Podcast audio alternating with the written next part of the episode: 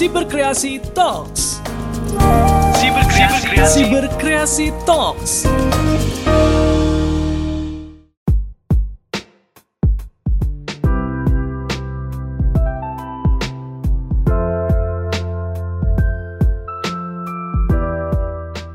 Halo, uh, kenalkan nama saya Rozali. Saya aktif di Nahdlatul Ulama dan Public Virtue. Barangkali kita masih mengingat beberapa kasus belakangan yang terjadi seperti kasus Cikesik tahun 2011, lalu um, kekerasan terhadap kelompok pro toleransi di Monas tahun 2008, atau yang terbaru adalah kasus di penjaranya Meliana di Sumatera Utara. Kesemua kasus itu merupakan fenomena polarisasi di dalam masyarakat yang tidak terjembatani dan kemudian menjadi masalah serius. Nah, dalam kesempatan ini aku mau ngobrolin itu, tapi bedanya kalau kasus-kasus dulu itu terjadinya di dunia nyata ya. Nah, hari ini dengan berkembangnya era media sosial, kasus itu juga pindah ke dunia maya atau dunia digital kita. Bentuknya banyak bisa berat berupa kayak uh, doxing, ujaran kebencian, uh, ajakan untuk melukai seseorang, bahkan untuk membunuh atau sekedar membenci orang lain. Nah, pertanyaannya adalah bagaimana itu terjadi? Itu yang pertama dan yang kedua, bagaimana cara kita menguranginya bareng-bareng? Baik itu dari perspektif uh, pemerintahan maupun kita sebagai masyarakat. Nah, beberapa waktu lalu kita sering mengingat fenomena-fenomena seperti itu yang pada dasarnya adalah kebencian atau um, apa namanya termasuk dari persoalan polarisasi atas nama agama. Nah, kejadian-kejadian seperti itu yang terjadi yang saat ini pindah ke ruang digital membuat ruang digital kita menjadi tidak sehat lagi dan uh, relatif cenderung berbahaya menurut saya. Saya percaya bahwa kebijakan publik yang dilahirkan pemerintah itu menjadi faktor yang cukup menentukan untuk membuat apa ya peraturan yang signifikan sehingga membuat eh, masalah-masalah uh, itu tertangani dengan baik. Nah, ini tentu menjadi pertimbangan atau menjadi PR yang besar bagi pemerintah mengingat 61% dari populasi Indonesia saat ini menggunakan internet. Anda bisa membayangkan dong betapa banyaknya orang, ada 170-an juta orang yang mengakses internet setiap hari dan melakukan komunikasi di situ. Kebayang bagaimana pemerintah untuk mengatur itu semua ya kan? Nah, ini pasti berat, terutama bagi uh, yang secara langsung berhubungan dengan internet seperti Kominfo misalnya atau Siber Polri dan saya yakin juga sudah sangat lama uh, hal itu dipikirkan dan bagaimana merumuskan agar eh, konflik-konflik uh, keagamaan seperti itu tidak terjadi lagi di masa depan.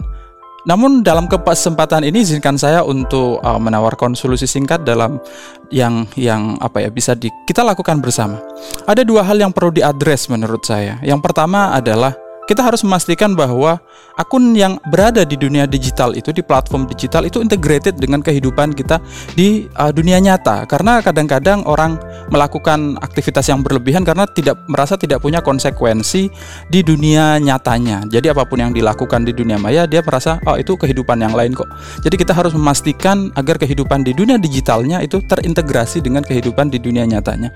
Caranya di antaranya adalah um, Misalnya dengan mewajibkan mengintegrasikan akun media sosial kita dengan identitas resmi.